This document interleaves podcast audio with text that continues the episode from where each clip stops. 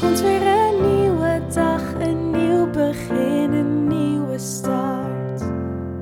Je wordt vanzelf verrast. Dus lach niet, heb het leven lief. Ook al heb je zorgen, pak het met beide handen vast. Dit is de Alles is Liefde podcast.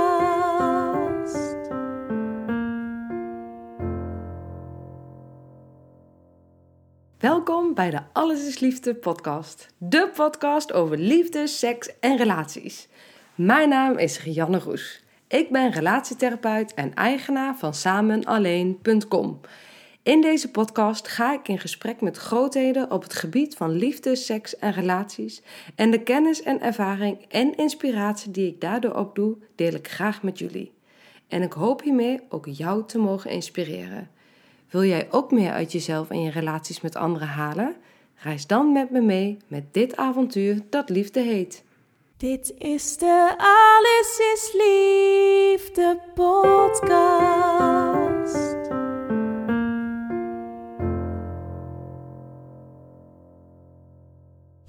Wat ontzettend leuk dat je luistert naar weer een nieuwe aflevering van de Alles is Liefde podcast. En voordat jullie naar dit interview gaan luisteren, wil ik even dit moment aangrijpen om jullie als luisteraar ontzettend te bedanken dat je elke keer de moeite neemt om naar mijn podcastafleveringen te luisteren. En soms krijg ik zelfs berichtjes van jullie, of mailtjes, of appjes, of via de messenger. Ik vind het echt fantastisch om te horen wat een interview of wat een onderwerp met je gedaan heeft. En dank jullie wel. Dank je wel dat je, nou ja, wat ik al zei, steeds de moeite neemt om, uh, om naar mijn podcast te luisteren. En vandaag weer een heel mooi interview met Josien Tent van Beking. Zij heeft een eigen praktijk en die heet Samen Stevig Starten. En vandaag mag ik haar interviewen over de eerste duizend dagen. En dan denk je misschien, de eerste duizend dagen, waar gaat het nou eigenlijk over? Nou, eigenlijk gaan de eerste duizend dagen over het moment van het conceptie tot duizend dagen wie daarna volgen. En deze zijn, en dat wordt steeds meer duidelijk uit onderzoek, cruciaal in de ontwikkeling van ons als mens. En vandaag mag ik Josien daar helemaal over gaan bevragen. Zij heeft zich gespecialiseerd in deze eerste duizend dagen. We gaan het hebben over hechting, over hoe je je als koppel of als vrouw of als man kan voorbereiden op de komst van je kindje. Over hoe je de hechting kan bevorderen en ook welke dingen misschien eigenlijk niet goed werken in de hechting. Communicatie is bijvoorbeeld ontzettend belangrijk. Nou, heel veel dingen die in dit interview aan bod komen. Dus Josien, dank je wel dat ik hier vandaag mag zijn om jou te interviewen. En zoals altijd begin ik met mijn allereerste beginvraag en die luidt: Waar denk jij aan als ik zeg liefde? Um, nou, als je zegt liefde, dan denk ik eigenlijk in eerste instantie toch aan mijn eigen kring van uh, naasten, mijn uh, gezin, mijn kinderen, mijn man, familie, vrienden. Um, ja, dat is eigenlijk wat het eerste wat me dan te binnen schiet. En um, wat er dan vervolgens bij komt, was dan wat meer uh, gerelateerd ook aan het onderwerp waar we het dan over gaan hebben, is eigenlijk uh, ja, hersens, hersenontwikkeling. Omdat uh, liefde toch echt van essentieel belang is voor hersenontwikkeling. Ja. Dus dat komt er dan bij me op. Ja, dus essentieel belang van hersenontwikkeling. Ja, ik kan me zeker, voorstellen ja. dat, ja, dat er mensen zijn die denken, huh, hersenontwikkeling, liefde, hoe dan? Ja, Kan je ja. daar alvast iets over zeggen? Ja, ja, daar kan ik wel proberen wat over te zeggen. Um, nou, we zijn uh, steeds meer te weten gekomen de afgelopen jaren. Er wordt ook steeds meer onderzoek naar gedaan van wat kinderen nou eigenlijk nodig hebben om uh, uh, zich goed te ontwikkelen, goed op te groeien. En dan blijkt toch wel dat liefde daarbij van essentieel belang is. Hè? Als je fijne ervaringen hebt met mensen om je heen, belangrijke anderen, dan maak je hersenverbindingen aan. Ja, je hebt bijvoorbeeld um, op het moment dat jij gekoesterd wordt en gestreeld wordt en getroost wordt op momenten dat je het moeilijk hebt, hè, dan maak je hersens verbindingen aan die contact met anderen associëren met plezier en met prettig hebben. En op die manier wordt ook een basis voor empathieontwikkeling bijvoorbeeld gelegd. Ja. Ja, Ja, dus het begint echt in de hersenen. ja Het is eigenlijk iets heel fysieks, maar uiteindelijk zeker. le- Ja. legt dat een verbinding in de hersenen die Ja. ehm, ja, dus eigenlijk ervoor zorgen dat de hersen goed, hersenen goed kunnen ontwikkelen. ja, klopt. Je noemt het net inderdaad, het is heel fysiek, hè? want liefde is misschien in eerste instantie niet meteen een heel fysiek concept waar Nee. je aan denkt, maar Nee. het heeft wel echt een hele fysieke weerslag op mensen, ja. Ja, ja omdat je noemde strelen, het aanraken, het Ja. getroost worden, Ja, het troosten van een baby. Dat gaat natuurlijk wel met zachte woordjes, maar uiteindelijk kun je niet in een gesprek voeren. En Nee. moet het op een andere manier. is het toch heel lichamelijk eigenlijk wat er gebeurt, ja. Ja, Ja. En dat is ook waar nou, de afgelopen jaren, denk ik, in, ik denk de afgelopen twee jaar vooral, hè, die eerste duizend dagen, dat daar toch wel heel veel aandacht voor is. En ehm, ja, je hoort het eigenlijk steeds vaker, maar waar staat het nou eigenlijk voor, die eerste duizend dagen? Die eerste duizend dagen, ja. Ja. Ehm, ik denk inderdaad dat het ongeveer klopt dat je dat zo de laatste twee jaar zeker wel steeds meer hoort. Ehm, en de eerste duizend dagen, dat staat eigenlijk voor ehm, ja, het moment vanaf de conceptie tot ongeveer de tweede verjaardag eh, van een kind. Mhm. Dus echt de hele zwangerschap wordt daarin meegerekend. En dat is een hele kritieke periode, van, een hele belangrijke periode van ontwikkeling eh, in een mensenleven. Ehm, nou, daar kunnen de meeste mensen zich wel bij voorstellen, denk ik. Hè. Je organen worden bijvoorbeeld allemaal in die eerste drie maanden van de zwangerschap aangelegd.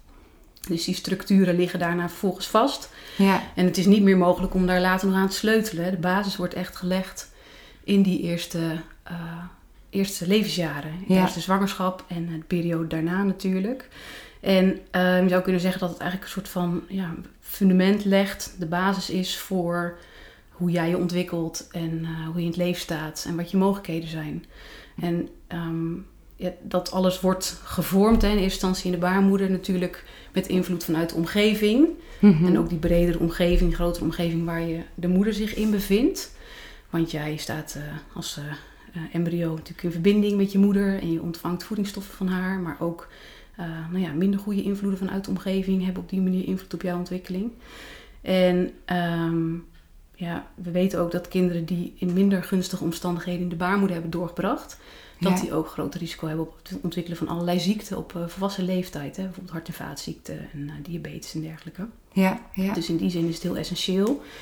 Ehm, en dan komt later natuurlijk het moment ja, van het vormen van hechtingsrelaties, die liefdesrelaties, wat net al even kort ter sprake kwam. En ook dat is heel bepalend voor de rest van je leven, hè, voor hoe je hersenen zich verder ontwikkelen.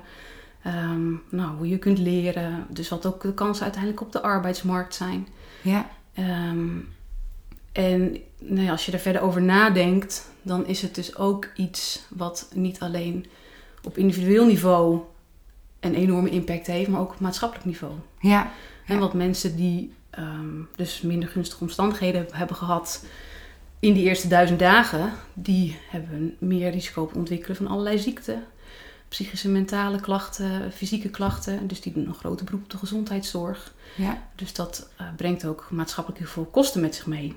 Ja, Dus- dus, het heeft ook inderdaad een financieel, eh Ja, en daarom ook een maatschappelijk belang, Ja, maar ook zeker. daarom is het misschien ook wat meer op de agenda gekomen in, ja, binnen het kabinet.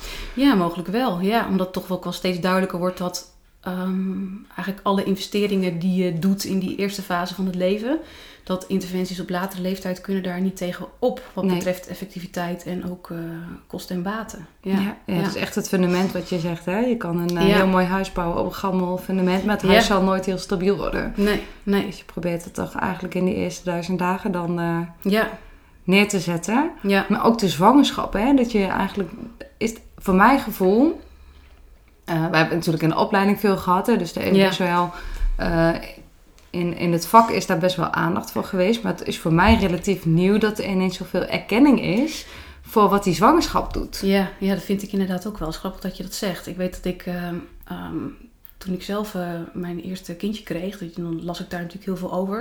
En dan las je ook wat meer eh, Amerikaanse boeken die dan vanuit het Nederlands vertaald waren. En dan ging dan over dat geadviseerd werd dat je, nou ja, ruim voor de conceptie al een arts zou raadplegen voor voedingsadviezen enzovoort enzovoort. En dat ik toen dacht, nou wat overdreven, wat Ja. hysterisch eigenlijk. Maar dat, Amerikaans. ja, ja, wat is Amerikaans inderdaad.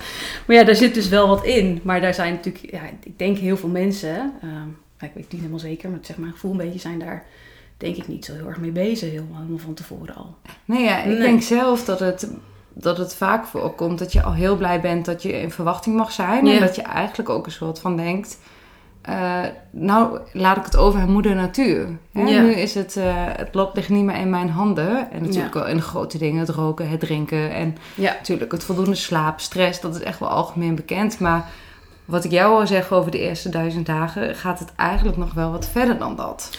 Ja, eigenlijk ja, zou je kunnen zeggen dat het nou, ook wel echt die periode daarvoor, hè, die duizend dagen rekent al vanaf het moment van conceptie, maar Ja, als je het dan hebt over bevorderen van gezondheid en welzijn, ja, dan is ook in de tijd daarvoor al ja. Dus ook ook een hoop winst te behalen. Ja. Precies. Dus ook de manier waarop een, eh, ja, een kindje verwekt wordt. Hè? Is het welkom? Is het niet welkom? Is er stress rondom? Ja. Eh, eh, ja, misschien is het een heel lang ziekenhuistraject. Geeft dat een andere gevoel dan wanneer het spontaan ontstaat. Hè? Ja. Dat, dat speelt dus allemaal een rol. Ja, zeker. Ja. Ja, en je noemt nu ziekenhuistraject. Ehm, je moet even denken aan ehm, een onderzoek wat er... Er wordt ook wel veel onderzoek gedaan natuurlijk nu naar, naar bijvoorbeeld kinderen die eh, verwekt zijn via kunstmatige eh, bevruchting. Hè? Ja, Bijvoorbeeld ja. eh, IVF of ICSI. Ehm, en dat er een vrij recent onderzoek geweest is naar de invloed van het kweekmedium, waar het embryo de eerste drie dagen, de eerste dagen na de conceptie op in ligt, op ligt, Mhm. op groeit. En dat de samenstelling van het kweekmedium dus vervolgens op, eh, al effect heeft op de groei van de baby in de baarmoeder, zoals te zien is op groeiecho's. Ja, dus dat, dus die, die eerste paar dagen al, die omgeving, en daarna wordt de baby, het eh, embryo in de baarmoeder geplaatst. Dat laat dus al een blijvend effect na. En wat Ja. daar de lange termijn effecten van zijn, dat is nog niet bekend, eh, voor zover ik weet in ieder geval.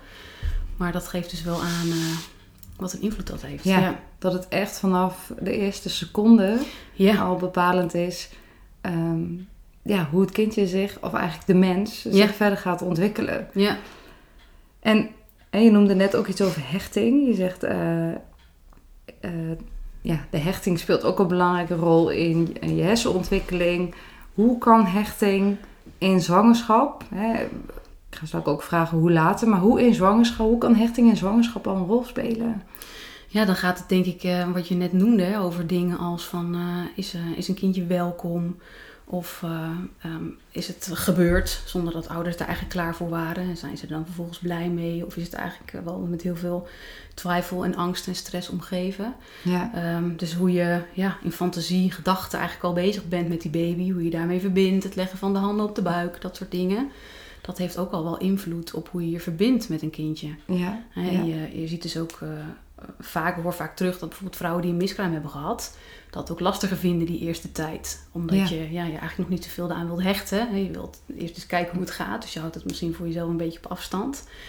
Ehm, en dat betekent helemaal niet dat dat nou meteen schadelijk is of voor allerlei problemen zorgt. Maar dat geeft dus wel aan ja, dat dat ook een proces is wat eigenlijk al vanaf ja, Ja. conceptie of aan, vanaf het moment dat je die test in handen hebt, al een rol speelt. Ja. En misschien wat meer bij, ja, misschien wat korter de bocht, misschien wat meer bij vrouwen dan bij mannen. Omdat vrouwen natuurlijk ook heel fysiek voelen. de voelen. Alles. Van alles, Ja. ja, inderdaad. en het voor mannen toch heel ah, ja, onwerkelijk is. Misschien wel tot het moment dat die buik gaat groeien en ze het baby kunnen voelen. Of misschien zelfs totdat hij er is. Of het hartje klopt, hè? dat het echt wat tastbaarder wordt. Ja, ja, maar ook voor mannen.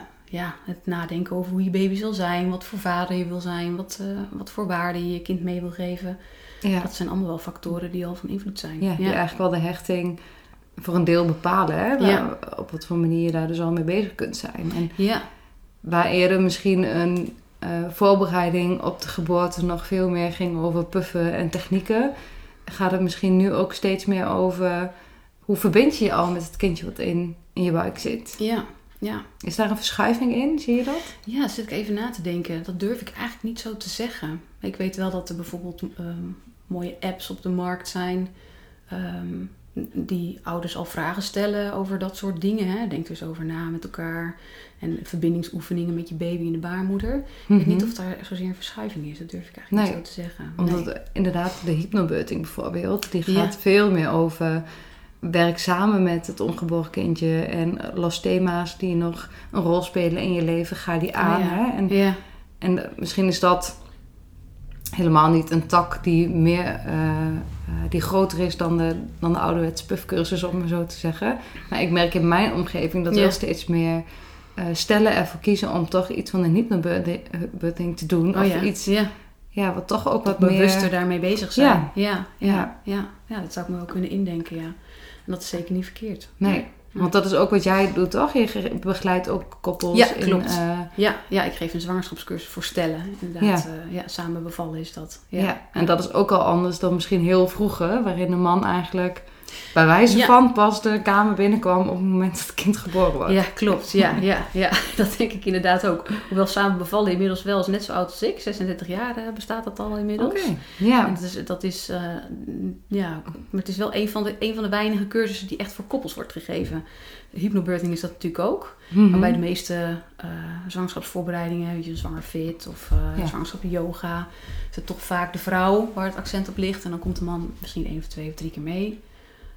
Ja, dat is wel. Dat ja, dat is ook. ook eh, de keuze wie je Ja. als koppel zelf maakt. Ja, of hè, inderdaad. je daar zelf graag in zou willen. Dus de, eh, dat is echt wel de eerste basis voor de hechtingsontwikkeling. En hechting is wel iets wat je nu gewoon veel hoort. Ja, heel veel hè? Ja. Ik word er soms ook een beetje benauwd van. Want Ja, ik denk, ja, ja. "Oh, kan ik dat überhaupt nog goed doen? Eh, wat, ja, het is super belangrijk. wat je al zegt, hè, het bepaalt eh, eh, eigenlijk je levensgeluk. Om het bijna eh, zo samen te vatten. Mm. Maar tegelijkertijd voel ik ook een enorme verantwoordelijkheid om het alleen maar goed te doen. Ja, oh, dat, kan, dat kan ik me heel erg indenken. Ja, ik herken dat gevoel ook wel. Ik denk heel veel ouders met ons. Ja, Ja, ja, ja, want wat is die, hè, want we hebben het al kort over gehad. En ehm, op het moment dat het kindje geboren is, wat is dan... Ja, ik vraag eigenlijk twee dingen tegelijk. Wat is dan die hechting? Ja. En tegelijkertijd concreet, wat kun je als ouders eh, doen om die hechting te bevorderen? Zonder daar meteen heel erg een, een vast kader in te stellen. Ja, en meteen de, de lat heel erg hoog te leggen Ja. voor jezelf. Ja, Ja. ja. dat is inderdaad wel een goede vraag. Ehm, laat ik beginnen meteen met die laatste vraag. Ja, het is, het is denk ik wel goed om te weten dat het gewoon meestal gewoon goed gaat. Ja, In de meeste gevallen ehm, ontwikkelen ouders gewoon een veilige hechtingsrelatie met hun kindje. Ehm, zo ongeveer twee derde van de Nederlandse bevolking, ehm, van de bevolking, hè, zeg ik Mhm. grofweg geschat, is veilig gehecht. Ehm, misschien even terug naar de, de, eerste, de eerste vraag: van wat is nou hechting eigenlijk? Nou, hechting is eigenlijk, hè, als je het zou definiëren, proces van interactie tussen ouder en kind. Ik noem even ouder, maar dat kan natuurlijk ook een andere verzorger zijn. Hè? De Mhm. belangrijkste verzorgers van het kind. Ehm, dat leidt tot een duurzame affectieve relatie.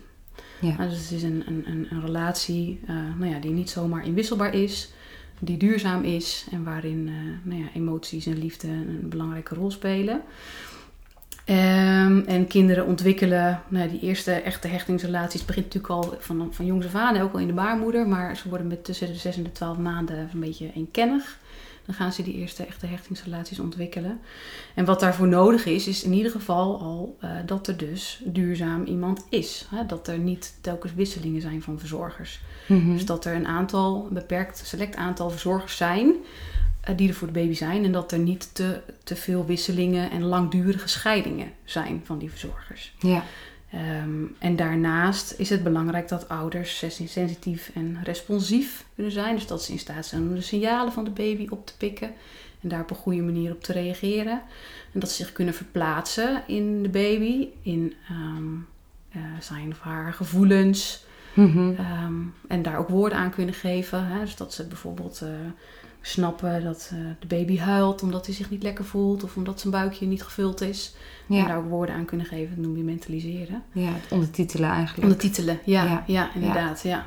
En ehm, nou, het is inderdaad zeer bepalend voor, ja, je noemde het levensgeluk, voor het verloop van je leven. Het is niet zo dat als je eh, onveilig hecht bent, dat dat per definitie een probleem is. En ook niet dat als je veilig hecht bent, je per dat je dan door het leven fijn leven hebt. Nee, nee, zeker niet. Nee, alleen je veerkracht eh, wordt er wel door vergroot. Je Ja. bent veerkrachtiger. Je kan doorgaans beter met tegenslagen, met emoties omgaan als je veilig gehecht bent. Ja, Maar het is niet zo dat eh, kinderen en volwassenen die onveilig gehecht zijn, dat die per definitie allerlei psychische problemen hebben. nee. Het is wel een risicofactor. Het is een risicofactor. ervan. Ja, Ja. klopt. Ja, Ja. Want ik zei net ongeveer twee derde van de bevolking hè, veilig, veilig gehecht. Dus een derde is best veel eigenlijk niet. Mhm. Ja, is dat dan meteen een stoornis? Nee, dat, Nee. dat is niet zo. Nee, we nee. kunnen niet op een, eh een Nee. derde van de hele bevolking... eh, Nee, Dat labeltje- leggen, Nee, hè? het Dat labeltje is- plakken van eh, stoornis. Nee, nee, dat klopt. is ook te kort door de bocht. Ja, Ja. en ehm, je noemde hè, niet te veel wisselingen, niet te veel verzorgers. En ik denk dan, oh ja, mijn kind is naar de opvang geweest. Ja. En mijn kind is deels door mijn, door mijn ouders, maar ook deels door mijn schoonmoeder. Nou, er zijn al met al toch best wel veel mensen in, belangrijke personen in het leven van mij, maar ook in, van, in het leven van mijn zoontje, die ja. een deel van de opvoeding op, op zich nemen, is dat dan, is dat dan erg? Of is dat schadelijk? Hoe, hoe zie je dat? Ja, hoe en wat is dat? dan veel? Ja, wat is dan veel? Is ja, twee nou, veel? Of is vijf veel? Of is tien veel? ja, daar, dat, ik, dat vind ik best een lastige vraag. Ja, ik kan er ik. eh, iets over zeggen van waar, waar zo'n beetje zo in het werkveld overeenstemming over is. Dat ze ongeveer drie tot vijf hechtingsfiguren, Ja, dat drie tot vijf hechtingsfiguren ongeveer kunnen zijn. Waarbij er vaak wel een voorkeur is. Sterke voorkeur voor één of twee hechtingsfiguren. ja, Ehm, ja, kijk, is dat schadelijk? Ja, kijk, als er heel veel verschillende verzorgers zijn, bijvoorbeeld op een babygroep, waar een kind eh, eh, het grootste gedeelte van de week doorbrengt. Ja, ik wil niet zeggen dat het per definitie schadelijk is, maar dan is de kans misschien wel wat groter dat dat lastig is voor een baby. ja. Hè? En- Het is iets, iets om in overweging te ja, nemen. zeker. Ja, Ja. ja. ja, Ja. Maar eh, de andere kant is ook weer, je noemt bijvoorbeeld de ouders en grootouders. Ehm, ja, die kunnen natuurlijk ook een hele belangrijke beschermende factor juist zijn in het leven van een kind. Hè? En ook, ook pedagogische medewerkers op een opvang. Ja, Als de opvang kwalitatief goede opvang is, waar ze oog hebben voor de behoeften van een baby. En waar er inderdaad niet continu verschillende mensen op de groep staan, maar als het goed is, wordt daar rekening mee gehouden. ja. Dan eh, kan dat ook juist heel beschermend zijn. Precies, dus dat is Ja. ook iets, hè, mocht je daarin onderzoekend zijn, dat het wel een belangrijk punt is om wellicht te vragen bij de opvang, Ja. hoe doen jullie dat? Hè? Zijn Ja. jullie met tien man bewijzen van in, eh, in, in de uurtjesdienst aan het draaien, om het even Ja. te chargeren? Of eh, houden jullie rekening met de invloed die dat heeft op de hechting van mijn kind? Ja, ja. en ik heb inderdaad wel het idee dat daar ook bij kinderopvang echt wel steeds meer oog voor is. Hè. En Ja. Er zijn natuurlijk ook wel regels over hoeveel medewerkers er op een babygroep mogen staan. Ja, En dat er, dat er zeker wel rekening gehouden wordt met dat een kind niet al te veel verschillende gezichten ziet. ja. Ja. en ook niet te lang als, hè, als ouder afwezig te zijn. Nee, Ja, bij voorkeur niet. nee, en tegelijkertijd zijn er natuurlijk ook bijvoorbeeld mensen die voor hun werk langere tijd naar het buitenland moeten. Ja, ja, Ehm, waardoor ze misschien ook hun kind eh, langere tijd niet zien. ja. ja. ja. Dat en dat ook- gaat ook niet altijd fout. Nee, Nee. Het is, hè, het is iets wat je in overweging kan nemen. Ja. Dat is eigenlijk ook steeds wat ik je hoor zeggen. Het Ja. zijn mogelijke risicofactoren. En als je er bewust van bent, kun je daar keuzes in maken. Maar het is Ja. niet per definitie zo dat het kindermishandeling is als je Nee, zeker hè, Nee. van eh, eh, elke, elke maand, een week eh, voor je werk ergens in het buitenland zit. Nee. Nee. En dat is ook denk ik steeds de moeilijkheid die ik zelf als ouder voel, maar wie ik denk ik ook wel in mijn omgeving zie. Ehm, in een goede balans tussen Mhm. die ontspannenheid met hoe ga ik met mijn kind om? Wat Ja. kan ik voor mijn eigen leven? Wat kan ik, hoe kan ik, kan ik zelf nog carrière? Of moet ik thuisblijfmoeder blijven? Ja, En als ik ja. thuis blijf, ben ik dan wel de moeder die ik wil zijn? Of kan ik wel dan ineens afstemmen op mijn kind? Want misschien vind ik, zit ik zo vast in het thuiszitten. Nou ja, Ja. dat ik helemaal gek word op mijn kind. ja, ja, ja Wat doet dat voor de hechting? Ja, nou inderdaad, ja. Ja, en daar is iedereen natuurlijk ook weer anders in. En ik denk dat het best lastig is als je eh, daarin eh, net wat anders bent dan wat we met z'n allen een beetje normaal vinden. Hè. Ik weet niet hoe jij dat ziet, maar ik heb vaak het idee dat je als moeder, nou ja, mag je ongeveer drie dagen werken. ja. Als het er één of twee zijn of niet, nou dan, dan vinden mensen dat, vinden daar wat van. En als het Ja, er vier zijn, dan vinden ze daar eigenlijk ook wat van. Ja. Dus, ja het is En als dan de beetje- moeder veel naar het buitenland is, is dat... Is Ja. dat eh, eh, oh, echt? Doe je dat? Ja, En, eh, en bij als de het vader is, ja. Oh ja, die is eh, naar het buitenland. Ja. Ja, dat is allemaal veel meer Klopt, ja, wat dat betreft zijn we dan toch nog niet zo heel erg uh, ruimdenkend, hè? ruimdenkend. Nee, Nee, nee, nee. nee, En ik snap het ook wel. Kijk, vanuit de biologie is het de baby, verwacht de baby de moeder hè, in Ja. eerste instantie. En, eh, en eh, hij of zij kent de moeder ook het beste, de geur en de stem en dergelijke. Ja. Maar we weten ook dat, eh, dat je vader, dat vader ook heel erg belangrijk is en ook een enorm belangrijke rol kan spelen. ja. Alleen dat is toch nog niet zo gemeengoed. Nee, het Nee. is wat toch snel de- zijn de ogen gericht op de moeder. Wat vanuit de biologie te snappen is. Maar inmiddels zijn we ook al wel zo ver eigenlijk in, ja, in het gedachtegoed dat eh, de vader ook die... Hè, want er zijn ook genoeg homostellen die een Ja. kindje eh, Ja, opvoeden. Nou, dat Ja. kindje is niet per definitie onveilig Nee, gehecht. zeker of, niet. eh, nee. nee. Nee, nee, nee, het gaat er vooral om dat er dus dat er continuïteit is in de verzorgers. En dat op het moment dat een van de verzorgers langere tijd weg is, dat dan wel bijvoorbeeld die andere verzorger nou ja, het overneemt. Ja, precies. Dat, dan, dat daar goede afstemming, afwisseling en dat het goed in elkaar over kan lopen. ja. En je noemde dat, hè, het responsief en sensitief reageren op je kind. Ehm, ik was laatst bij een lezing en ik weet eigenlijk niet meer zo goed hoe die man heet. En die had echt een hele geruststellende uitspraak. Want die Ja. zei, je hoeft het eigenlijk maar zes van de tien keer goed te hebben. Oh ja, ja. Dus iedereen haalde opgelucht adem in de zaal. Want tot het responsief sensitief reageren, Ja. ik weet dat het moet, maar soms ben ik zelf moe. Ja. Hè? Of heb je geen zin, of ben je de hele dag al met het kind in de weer en dan lukt het gewoon niet. Nee, en dan voel nee. je al meteen, ik heb dan als het alarmbel, heeft, heeft ook met werkdeformatie Ja, te maken. denk ik ook, hechting, hechting, Ja, hechting. ja, ja, en dan verlies je de context soms een beetje uit het oog van Ja. jezelf. Hè? Dat herken ik zelf ook heel erg. En helemaal toen mijn eerste geboren werd, schoot ik daar soms echt bijna van in de kramp. Ik wil het zo graag goed doen. En inderdaad, ik heb me ook eh, altijd laten vertellen dat eh 30 tot 50 procent van de tijd afgestemd reageren. Dus laten we zeggen 50 procent van de tijd Ja, dat dat goed genoeg is. ja, Ehm, en, en op zich is dat ook wel, ook wel verklaarbaar, denk ik. Hè? Want hechting is ook iets wat eh, voor de overleving heel erg belangrijk is. Dus kinderen zijn gewoon van, van binnenuit heel erg gericht op hechting. Dus het hoeft niet perfect te zijn nee, om te kunnen Nee. hechten. Het moet goed genoeg zijn. ja. Ja, En dat is wel een heel belangrijke ja. eh noot, denk ik, voor Ja. heel veel mensen. Omdat eigenlijk in die kramp doe je precies waar je bang voor bent. ja Want je bent zo gestrest. Kun je dat niet meer afgestemd zijn. Nee, Nee. ben je niet meer emotioneel beschikbaar. Nee, want je bent nee. eigenlijk in je hoofd. Oh, wat, wat zie ik nu? En wat heb ik erover gelezen? Ja, doe ik het wel Oh, nou moet ik dit doen. Terwijl het misschien helemaal niet congruent is met je gevoel. Nee, nee, inderdaad. Nee. nee dus ik vond dat zelf ook wel heel geruststellend om dat eh, te weten. En wat ook een belangrijke kenmerk is van een, een goed genoeg ouder-kindrelatie... is op het moment dat de afstemming niet goed verlopen is... Hè, dat, het, dat er een moment is geweest van verbreken van het contact... of niet, nou ja, niet afgestemd contact, dat er herstel plaatsvindt. Ja. En dat vind ik ook altijd wel een hele belangrijke om aan ouders mee te geven. Hè. Zorg dat je het contact herstelt. Daar blijf jij als volwassene uiteindelijk wel verantwoordelijk voor. Want jij bent altijd ouder en groter en wijzer dan je kind. Ja. Dus als je een keer uit je plaat bent gegaan, wat elke ouder wel een keer zal overkomen en je hebt staan schreeuwen, bied dan je excuses aan, maak het goed. Hè. Daarmee leert een kind ook ambivalentie in die relatie verdragen. Dat, Ja. dat, dat je van elkaar blijft houden, ook al ben je even heel erg boos op elkaar. Ja. En dat het ook gewoon weer goed komt en dat de relatie hersteld wordt. ja, dat is natuurlijk ook heel belangrijk. Ja, dat Ja. herstel is iets wat heel belangrijk is. En je is echt een beetje excuses aan hoe... Want dit is, dit is denk ik iets wat ouders ook verder zou kunnen helpen. hè. En hoe zou dat er dan uitzien? Is het, oh sorry, ik kan niet zo boos moeten worden, knuffel. En weer door? Of moet je er echt een ja, moment... Hoe, hoe zou dat eruit moeten zien? Ja, ja dat is ook, daar heb ik dan ook niet echt een kant-en-klaar antwoord op, want dat zal echt per situatie verschillen. Ja. Ehm, maar ik zou inderdaad even op een rustig moment eh, even, even contact maken met je kind. Hè? Even zorgen dat je elkaar in de ogen kijkt, even bij elkaar bent. En dat je zegt, hé hey, goh, ik was net wel heel erg boos hè. Ik kan me voorstellen dat je daar heel van geschrokken bent. Het was niet leuk. En weet je, dat had ook eigenlijk niet met jou te maken. Maar mama is gewoon heel erg moe. En ik had Ja. dat niet moeten doen. Ja. Het spijt me. ja. Nou, nou ja, zoiets. Ja, precies. Ja. Maar fantastisch. Want dat is iets wat het kind prima kan horen. En Ja. waarna vervolgens waarschijnlijk zegt... ik ga weer spelen. Of de, de, de orde Ja. van de dag is weer... eh, Waarschijnlijk wel. Ja, ja. Dus dat, ja, dat herstellen van het contact.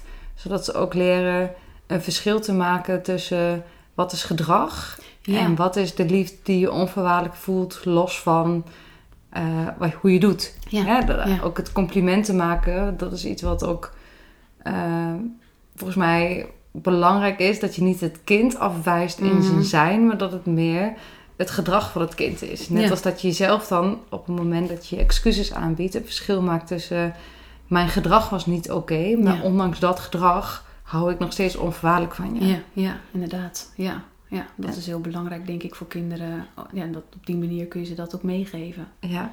En dan kunnen ze dat zelf ook in, in contacten met. Ja, in hun eigen relaties. Hè? Want als je er toch als je er aan voorbij gaat en je gaat over tot de orde van de dag en je negeert elkaar een tijdje en dan. Het kan soms ook oké zijn. Hè? Het is niet dat het altijd maar met zware gesprekken moet. Maar ja, zo leer je een kind wel hoe je dan een relatie weer herstelt. Ja. En dat dat gewoon kan en dat het oké is. En, Ja, precies. En Ja. Dat, als, dat een, ehm, als dat uitzonderingssituaties zijn, dan kan het kind het ook serieus horen. Hè, dat is natuurlijk niet iets wat drie keer per dag Ja, moet nee, gebeuren. klopt. Nee, nee, daar zeg je wel natuurlijk een, een raakpunt. Want als je dit soort gesprekken ja, meerdere keren per dag, zeven dagen in de week moet voeren, ja, dan is het natuurlijk op een gegeven moment wel Ja. ja. niet meer helemaal geloofwaardig misschien. Nee, Ja, dan, dus dan is er misschien iets meer nodig. Is de ambivalentie eigenlijk ook te groot. Ja, Hè, dan, wat is het nou? Ben je nou boos of ben je niet boos? Ja, dat Ja. gevoel. Dus Ja. dan moet er wat meer... Dat is ook de continuïteit, denk ik, die je bedoelt. Er moet een soort van stabiele basisniveau van vertrouwen zijn. Ja, nou, ik zit even te denken, want we noemen natuurlijk een heel extreem voorbeeld. Hè, dat je meerdere, de- alle dagen van de week meerdere keer per dag heel boos wordt. Ja, dat kan, dat kan ik me kunnen voorstellen dat dat heel onvoorspelbaar is voor een kind. Hè, dat, je dan, dat je dan heel beangstigend bent. En vaak ehm, zit daar dan toch ook wel meer achter Ja, als ouders. ja, Merken dat ze zich eh, zo niet onder controle hebben ja. een langere tijd. Dan speelt er vaak wel meer. En dan is het ook zo, kan ik me zo voorstellen, de schaamte, maar ook de machteloosheid die Ja. maakt dat je als ouder ook denkt, ik weet niet wat ik moet doen. Hè? Ik zit hier eigenlijk een soort van vast in, in het patroon. Wat, wat is er dan voor ouders? Wat zouden ze, ja, als een vader of een moeder dit hoort en ze denken, ja, ik heb dit eigenlijk. Ja, Hè? ja. Zonder oordeel, maar wat zou je dan, ehm, ja, wat zou, wat zou je dan als ouder kunnen doen?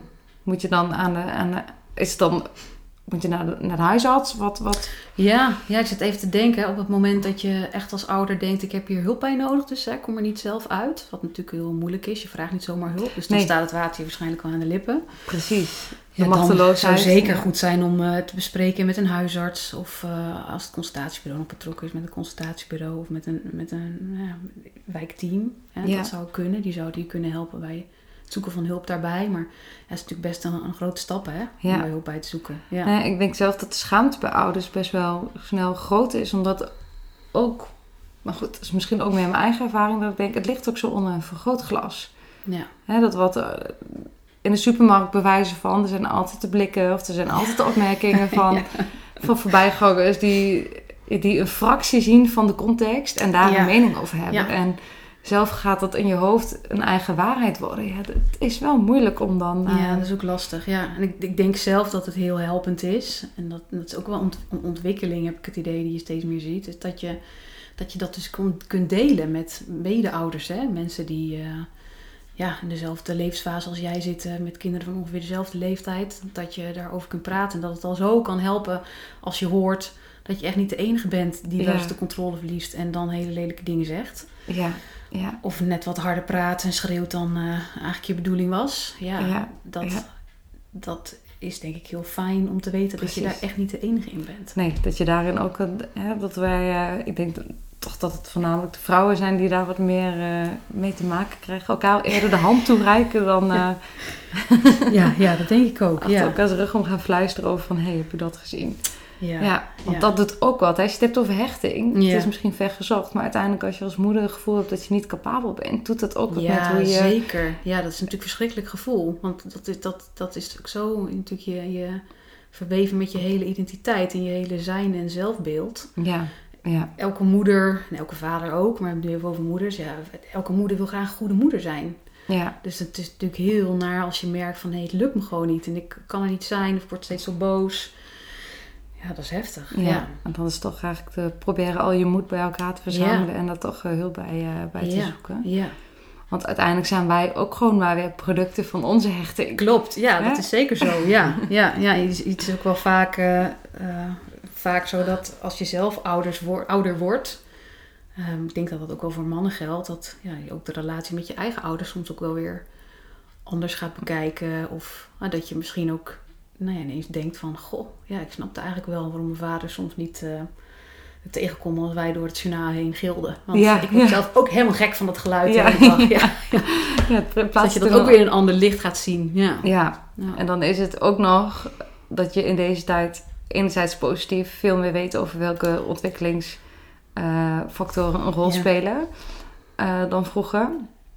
Maar anderzijds is het eh, vergroot dat wel de druk. precies. Ja, dat klopt. Ja. want er is zoveel tegenwoordig te vinden over opvoeding. En je leest ook heel veel tegenwoordig over curlingouders. En die term Ja. heb je ook vast gehoord. Ja. Dus nou, we willen natuurlijk ook allemaal geen curlingouder zijn. Maar Nee, wanneer doe je het dan wel? wanneer Wanneer, doe je het dan, niet? Wanneer is het dan goed? Ja. En ik heb inderdaad, als ik het wel eens met mijn moeder over heb, dan zegt ze ja, maar ik wist daar ook gewoon niks over. Nee. Bij het consultatiebureau kreeg ik adviezen. Maar je had geen internet om dingen op te zoeken. Misschien las je eens een keer een boek. ja, En ja. Dat Dus was die- het. Dat waren de bronnen die je had. Ja, en natuurlijk de, de mensen om je heen. De Ja. meer ervaren oudere vrouwen, opa's en of oma's. Ja. Ja, en dat ook, hè, daar met mijn supervisor wel eens over. Die zei ook van ja, het opvoeden is ook voederen, hoederen en loederen. Voederen, En- hoederen en loederen. Oké. Ja, dus dat het, niet, dat het soms ook even pijn moet doen of zo voor een Ja. kind. Niet letterlijk, maar wel Ja, ja.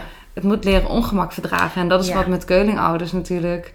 eh, ja, die term zegt eigenlijk... We, glij- eh, we ja, maken eigenlijk de weg glad voor Ja. je... zodat je geen enkele tegenslag hoeft Nee, te inderdaad. Nee. Maar ik nee. kan me ook voorstellen dat dat het resultaat is van alle druk...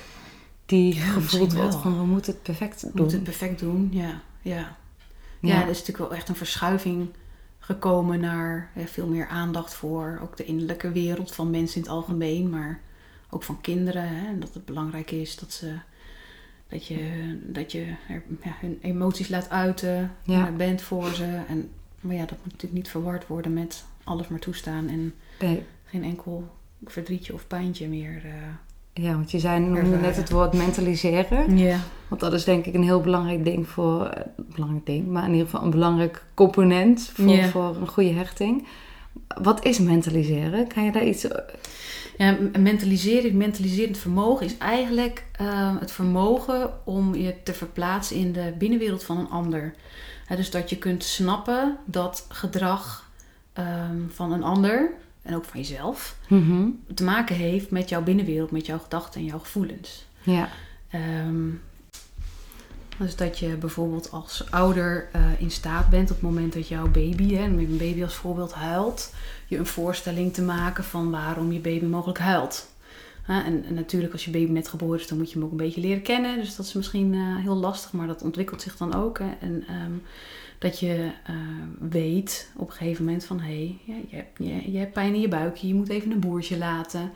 En ehm, dat je bijvoorbeeld niet denkt, hij huilt omdat ik geen goede moeder ben, omdat ik hem niet kan troosten. Hè? Dat je misschien je eigen onzekerheden eh, projecteert, noem ik het even, Mhm. op je kind. Maar dat je je kunt verplaatsen in eh, wat de reden is dat jouw kind op dit moment dat gedrag vertoont. ja, ja. En je, je het besef hebt van dat, daar, dat dat te maken heeft met ja, de innerlijke beleving van de ander Ja, op dat, dat- moment. Precies. En dan is het dan ook belangrijk dat je het noemt. Dat je dus zegt, oh, heb je pijn in je buikje? Of Ja, ja, Ja. dat is wel heel helpend voor kinderen. Omdat, hoe klein ze eh, ook zijn Ja, zeker. Ja, ja, want doordat jij er woorden aan geeft, hè, doordat jij ze kent en woorden geeft aan wat er in hen leeft, kunnen ze op een gegeven moment ook zelf beter gaan leren herkennen wat er in hen leeft. En dat is eigenlijk het begin van emotieregulatie. Ja, Als je leert herkennen wat er in jezelf leeft, wat er in je omgaat aan gevoel, aan gedachten, ehm, dat is een eerste stap om er ook mee om te kunnen gaan. ja. Ja. En dan hoeft het nog niet eens raak te zijn bij wij. Dat is als je Nee, zegt, oh, heb je pijn in je buikje? Nee. Dus dan kan het kind, hè, dat je uiteindelijk ook eh, dat innerlijk gesprek op gang brengt van Ja. zijn kind, hoe klein ook. Van, oh, pijn in mijn buik? Nee, dat eigenlijk niet. Oh, Nee. ik heb misschien, eh, ik moet, Ja. eh, ik veel, het, ik moet slapen. Ja, inderdaad. Ik ben wijze van. Ja, ja. Ja. Dus dan gaat het er vooral om dat je met, het, met je kindje in gesprek gaat. Voor zover, hè, het wordt een Mhm. beetje een monoloog dan als het over een babytje gaat. Maar dat je het wel kan benoemen. Van, goh, heb je misschien pijn in je buik? Of Ja. heb je misschien Kom honger? maar even En- lekker hier. Ik zal Ja. je even lekker op je buikje Ja. wrijven. Nou, Ja. Zoiets. Ja. ja, dus het doet helemaal niet precies het, man Nee, het mankement te zijn wat er op dat moment speelt. Maar meer dat je het kind leert. Oh, er kunnen verschillende redenen zijn waarom ik mij zo voel. Ja. ja. En dat je het niet op jezelf betrekt als ouder. Of Nee. het is eigenlijk buiten het kind zelf plaats, maar dat het iets zegt over de innerlijke beleving van de baby of van het kindje. Ja, ja, Ja. ja. en ik moet nu even met dit voorbeeld ook denken aan een voorbeeld van bijvoorbeeld een, eh, een, een ouder die eh, zelf, eh, nou, even een voorbeeld, ernstig verwaarloosd is. Hè? Zelf als in de vroege jeugd, als, als klein kindje. Dan kan het ook zijn dat bijvoorbeeld het huilen van de baby hele nare onbewuste associaties aan die eigen traumatische ervaring oproept. Hè? Gevoelens van eenzaamheid en van machteloosheid. En dan is het soms heel moeilijk om dan nog je baby te zien als ja, persoontje met een eigen beleving. Omdat dat zulke heftige gevoelens bij jezelf oproept. Dus Ja. staat het mentaliserend vermogen dan in de weg. Ja, Ja, zonder dat je er eigenlijk iets aan kan doen, want het heeft te maken met hoe je zelf bent opgegroeid. ja, ja. Ja, En ja. niet dat je er niks aan kan doen. Nee, maar Op het is wel iets is wat je gebeurt eigenlijk. Ja. Hè? En wat je misschien, eh, nou ja, Ja. soms ook iets waar je helemaal geen bewuste herinneringen aan hebt. Maar wat toch bepaalde gevoelens van angst of machteloosheid of eenzaamheid bij jou oproept. Ja. ja. En dat zou dan, hè, als dat vaak voorkomt voor jezelf, eigenlijk als volwassene een signaal moeten zijn. Hé, wacht even, misschien gaat het meer over mij of iets wat mij Ja, vroeger is overkomen, dan dat het gaat over de relatie die ik met mijn kind wil opbouwen. ja, ja. En dat, ja, dat vraagt dan toch weer wat mentaliserend vermogen. Ja, nou zeker. Ja, en dat is natuurlijk best heel lastig. Hè? En helemaal Ja. in het geval van bijvoorbeeld verwaarlozing. Ehm, is dat vaak ook wel moeilijk, omdat het gaat over iets wat er niet was. En doorgaans mis je niet wat er niet is, want je weet als kind niet beter. En- Nee. en het is Nee. vaak ma- ma- makkelijker om een link te leggen als het gaat over iets wat er was, wat er niet had moeten zijn. Ja, ja, bijvoorbeeld mishandeling of misbruik. ja. Ehm, dan als het gaat over, ja, er was gewoon niet zoveel liefde of ik was heel alleen. Dan, ja dat Ja. eenzame gevoel. ja. Ja. Nou, En, want dan, ehm, soms heb je ook situaties waarbij eh, een kindje in een couveuse ligt of waarbij sprake is van adoptie. Op basis van wat we nu met elkaar bespreken, is het, ja, weten we gewoon dat dat invloed heeft Ja. op, zeker. Ehm, ja. ja, op de ontwikkeling van je kind. Maar soms is het gewoon ook echt buiten je eigen. Zeker, ja. Je kan niet alles om. voorkomen. Nee, Nee. nee. Als het gaat over leven en dood, zullen de artsen er alles aan doen om het kindje levend te houden. Absoluut. En wordt er niet zozeer gekeken van wat is er in emotionele ontwikkeling nu nodig? Want Nee. het gaat over ga je het redden of niet? En dan is er misschien wel, weet ik hoeveel uren op een operatietafel, wat natuurlijk weinig goed doet voor, eh, voor de hechting. Of het Ja. lang in een couveuse liggen en af en toe maar een bezoekje kunnen hebben van ouders. Klopt, Ja, ja. En dat daar zijn- is wel steeds meer aandacht voor. Hè, dat, eh, Mhm. gelukkig heb ik ook het idee in ziekenhuizen met bijvoorbeeld kangeroezorg. En, eh, en dat je gaat buidelen met, je, buidelen met je kindje, Mhm. zoveel mogelijk buidelen. Ehm, en ook hè, dat, dat je ouders dingen aanreikt als van, nou ja, je kunt misschien die baby niet vasthouden, maar je kunt wel je hand eh, op het hoofdje of op het rugje leggen en zo op die manier wel nabij zijn. Maar inderdaad, wat je zegt, ja, er zijn natuurlijk gewoon dingen die buiten je macht omgaan. Ja, Daar kun je niks aan doen. En het is denk ik ook wel goed om te weten dat het dan dus niet is niet een gelopen race dan vervolgens. Hè. Er kan nog een heleboel ook weer goed gemaakt en ingehaald worden. Alleen ja, je begint wel met een je achterstandje. blauwdruk is, Ja, eh, ja. is net iets anders dan eh, gemiddeld. En want wat kan je bijvoorbeeld doen als, hè, stel dat het, dit gebeurt, je kindjes, hè, premature kindjes moeten vaak al lang in het ziekenhuis blijven. Of als de moeder ehm, complicaties krijgt bij de, bij de geboorte van het kindje en daardoor Ja. dus niet beschikbaar is. Hoe kan dat later uiteindelijk dan toch ehm, ja, opgepakt worden? Ja. Je zegt het is geen gelopen race. Nee, nee, het zijn zijn, nog de eigenlijk toch kansen? weer, toch weer de, de voorwaarden die eh, ook bij, ja, in het algemeen bij hechting van belang zijn. Dus dat er eh, nou ja, toch vaste, vaste verzorgers zijn uiteindelijk voor een kind. Ehm, waar, eh, nou ja, die sensitief en responsief reageren. En die er zijn. En als je het hebt over een klein babytje, nou ja, zodra het wel mogelijk is, toch zoveel mogelijk huid-op-huid contact. Je baby bijvoorbeeld veel dragen en veel bij je houden. Ehm, dat zijn allemaal dingen die dan zeker wel bijdragen aan. En op het moment dat bijvoorbeeld een moeder er niet is vanwege complicaties, dan kan natuurlijk de vader wel de baby bij zich nemen. En toch ook t-shirt uit, huid op huid contact. Ja, het Waardoor- huid-op-huid contact is zo belangrijk. Ja, heel belangrijk. Ja, zeker. Ja, ja. Ja. dat is absoluut zo. En ik geef dat ook altijd wel aan koppels mee. Hè, van denk er gewoon met elkaar over na. Mocht het gebeuren in een extreem geval dat je als moeder er op dat moment niet bent, omdat je bijvoorbeeld uiteindelijk toch een keizersnede onder narcose moet ondergaan in een spoedsituatie. Ja. Ja. ja, neem dan als vader je baby zoveel mogelijk bij je. Ja. En eh, zorg dat jij er bent. Ja, ja. ja, dus dat, is, dat huid-op-huid contact is zo belangrijk en ehm, soms niet altijd haalbaar. Nee, nee, dat En het lijkt me heel moeilijk om daar als ouders ook, vooral met al die kennis en, en, en Ja. de wetenschap die er nu ligt, om dan je eigen eh, gevoel van tekortkomen, want dat zul je hebben, ondanks dat je er niks aan kan doen, Ja, ja. om dat gevoel te verdragen. Het lijkt, lijkt me zo intens. Ja, dat omdat, lijkt mij ook. Ja. Ja. lijkt me heel heftig, ja. Ja, en het verschilt denk ik ook wel per, ja, zoals alles, per, per ouder, hoe die Mhm. daarmee omgaat. En de een die zal daar makkelijker mee omgaan dan de ander. Maar ja, dat lijkt me ook heel moeilijk. Ja. Ja. Het is natuurlijk niet hoe je het wilt, hoe je Nee. het voor je ziet. Nee. Nee. En tegelijkertijd noem je, er is zoveel nog ook te, te herstellen. Want Ja, er is ook eerst het medische wat in die zin ehm, ja, Ja, wat voorop staat om, om het kindje in leven te houden en in goede gezondheid. Ja. En daarna is er zeker nog wel herstel mogelijk. ja, gelukkig wel. Ja. Ja. Ja, want ik las het, ik weet niet of op jouw website of ergens in de, toen ik in de voorbereiding van dit interview, dat 14% van de kinderen in het leven toch eigenlijk een valse stap maken. ja, ja. En ik dacht, ik vind het best veel, toch? Ja, klinkt eigenlijk best wel veel dan, hè? Ja. ja, ja. Het is Terwijl meer dan misschien 1 op de nog, eh, 10. Ja, En eh, ik weet, dat is in, in Nederlandse cijfers geloof ik, hè? Ja, volgens mij komt dat uit het actieprogramma Kansrijke Start. Ja, dat zou kunnen. En volgens mij gaat het met name over eh, kinderen die dus een valse start maken door een te laag geboortegewicht of ehm eh vroeggeboorte of een combinatie daarvan. En ehm, ik weet even niet helemaal zeker of in die 14% dan ook meegenomen wordt kinderen die nou ja, een minder goede start maken doordat ze in ja, meer kwetsbare gezinnen ter wereld komen waar veel stress is of waar ouders kampen met psychische problemen ehm, of andere stress. Omgevingsfactoren Ja, roken en dergelijke. Ja. Ja, ja. Of dat, hè, want is het zo dat, ehm, nou je noemde straks hè, die, die, op het moment dat je dus met eh, IVF of iets dergelijks hè, probeert zwanger te raken, Mhm. een medisch traject, dat dat ook eigenlijk al invloed heeft op nou ja, de ontwikkeling van het kind. Wat daar ook al, eh, wat dan ook al gezien, wat dat al gezien als een valse start? Of is het, eh, Nee, volgens mij wordt dat niet, nee, dat wordt niet gezien als een valse start. Nee. Nee, het gaat daar, volgens mij gaat het met die 40% echt over kinderen die ja, een valse start maken doordat ze of te vroeg of te, te licht geboren worden. Of een combinatie daarvan. Of ehm, ja, in, in kwetsbare gezinnen, ja, dan denk je, nou Ja. hoort altijd kwetsbare gezinnen. Maar goed, kwetsbare gezinnen ter wereld komen waar veel stress is. Of eh, in extreme gevallen misschien een verwaarlozing of mishandeling. ja, ja. Ehm, ja.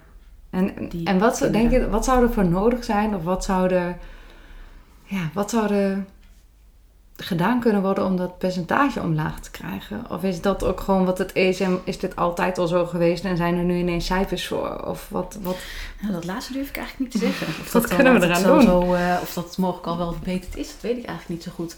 Ja, wat, wat, met alles wat, we, wat er nu bekend is, eh, lijkt het toch het meest eh, effectief om in te steken op die aller, allervroegste periode. Hè? Dus programma's die zich erop richten dat mensen zo min mogelijk ongepland zomaar zwanger worden, maar dat het een, een, een bewuste keuze is waar ze zich ook op voorbereiden door eventuele veranderingen in leefstijl en dergelijke aan te brengen.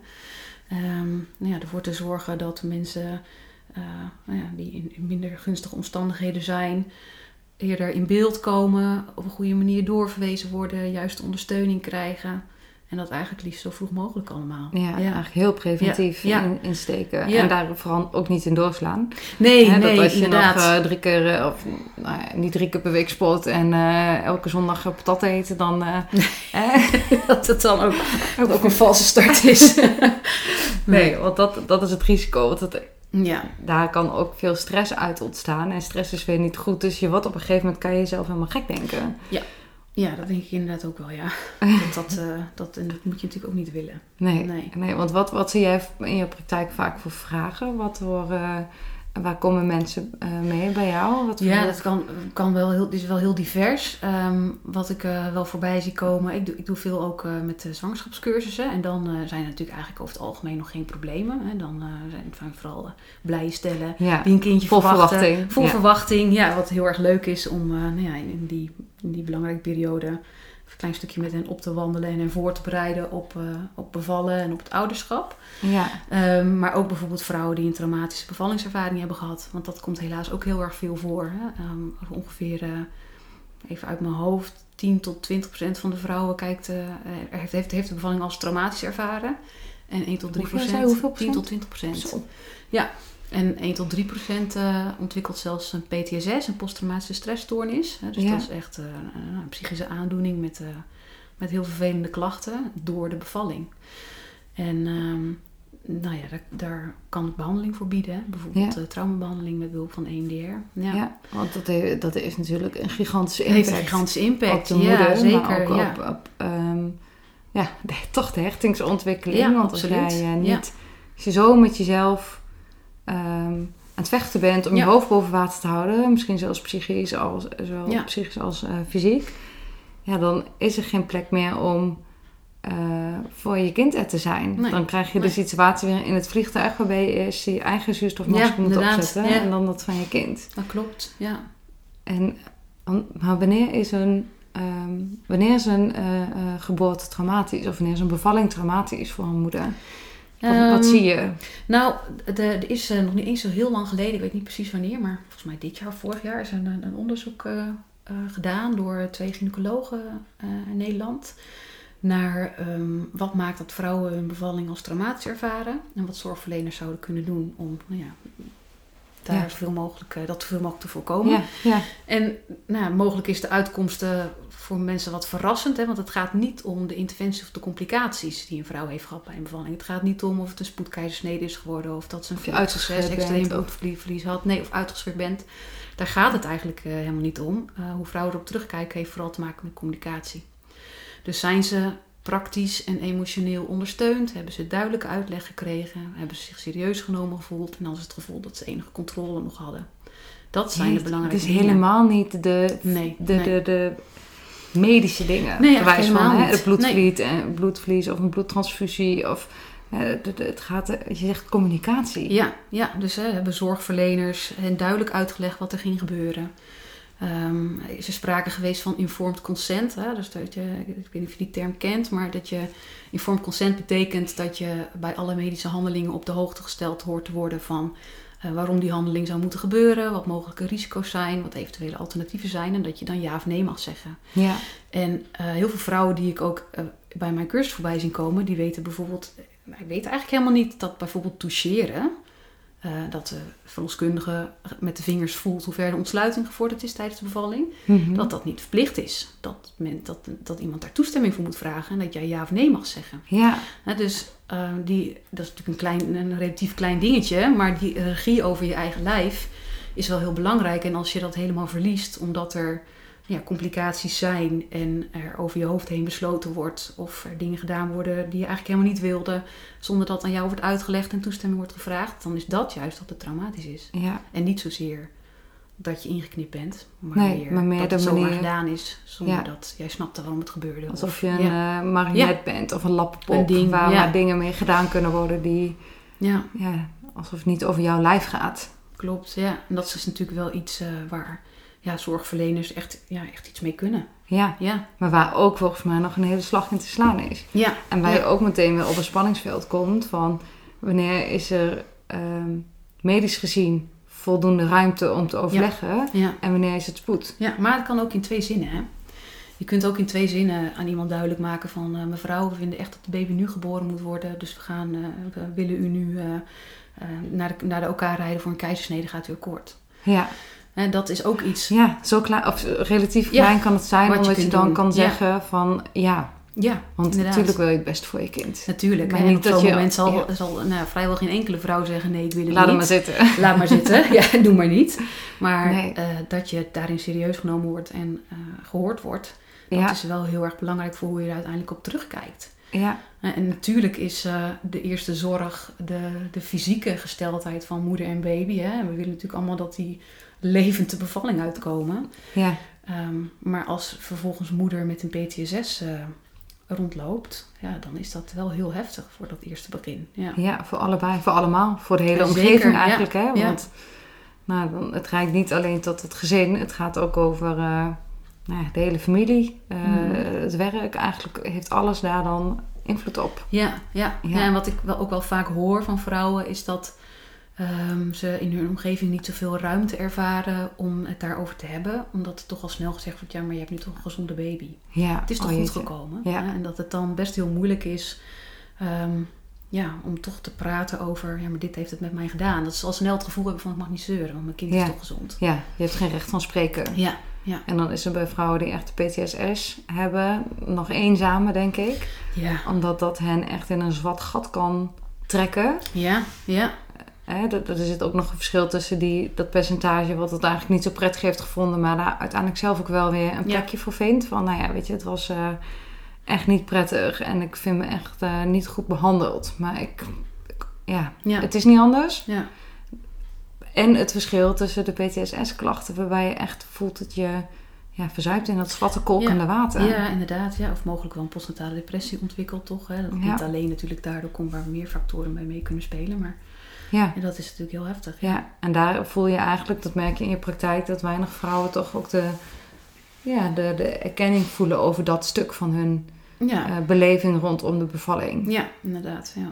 Ja, en er zou echt wel wat meer aandacht voor mogen zijn, omdat als je het hebt over wat bevordert de hechting, juist de erkenning van dat stuk, omdat er daardoor ruimte ontstaat om in het contact met je kind wat meer van jezelf te geven, omdat je weet dat je op andere vlakken weer ondersteuning krijgt. Of Ja. werkt dit niet zo? Ja, ik zit even te, te, te denken. Kun je nog één keer herhalen hoe het precies zei? Nou ja, dat je... Ik zat ehm, ondertussen een beetje over iets anders nog na te denken namelijk. Maar Oké, onthoud het. Dan eh, komen we daar zo op. Dat je, als je het gevoel hebt dat je gesteund wordt door vriendinnen, Ja. door je moeder, je schoonmoeder, of dat je je verhaal kwijt kan, ja, dat je dat weer even denkt, de energie geeft om wel weer dat contact met je kind aan te gaan, wetende dat je daarna bewijzen van je vriendin Ja. kan bellen en kan zeggen, absoluut. Ja, zo, dat Ja. eh, was even heftig. ja dat helpt Maar het is goed gegaan. ontzettend als, je dat, eh, als dat kan. Hè? Als je een, een, een netwerk om je heen hebt van nou ja, mensen met wie je dat kunt delen. En ehm, Ja. die dat begrijpen en tegen wie je kunt zeggen... nou, het is echt niet allemaal zo'n roze wolk hoor. Ik vind toch behoorlijk eh, grijs randje aan zitten. Of soms, sommige dagen is die gewoon echt hartstikke grijs, helemaal. Ja, ja. En dan te horen dat je daar niet de enige in bent. Hè? Want dat is ook nog wel een beetje een taboe. Nou, taboe weet ik niet of dat... Ik heb wel het idee dat we er meer over praten met elkaar. Maar Ja. je zegt nog niet zo heel gemakkelijk van... Nou, het valt me eigenlijk behoorlijk tegen. Nee, het is eerder nog gekscherend, hè? Of in een, een wat, eh, wat Ja. cynische of, of karikaturen Ja, context. een beetje een Dan, eh, grapje erover maken ja. dan eh, dat je dat echt... Dat je echt je kwetsbaar opstelt en zegt, jeetje. Ik Wat is dit zwaar, ja. ja. Ja. En ik denk wel, zoals die ontwikkelingen die je hebt met centering pregnancy en centering parenting. Ik weet niet of je dat wat zegt. Ja, de termen, maar... Ja, dat is het groepsgewijze. eh centering pregnancy is dan dat de verloskundige praktijken eh, gezamenlijke zwangerschapscontroles eigenlijk aanbieden. Dus dat zwangeren eh, in een groepje komen naar de praktijk en dat er wel controles worden verricht, maar dat er ook thema's worden besproken met elkaar. Hoe ga je met bepaalde dingen om? Hè? Ehm, nou ja, dat, maar ook centering parenting, wat op sommige consultatiebureaus wordt aangeboden. Dus dat je dus niet een afspraak hebt met de jeugdverpleegkundige, maar dat je met meerdere ouders bij elkaar bent en met elkaar uitwisselt over hoe ga je nou met bepaalde dingen om. Het is een mooie ontwikkeling. Ja, en dat is natuurlijk heel ehm, helpend als je, nou ja, bijvoorbeeld in zo'n groep kunt delen hoe het voor jou is en kunt horen dat meer moeders of Ja. vaders daarmee worstelen. Ja. ja. Ja. En was dat ook hetgene waar je net over dacht?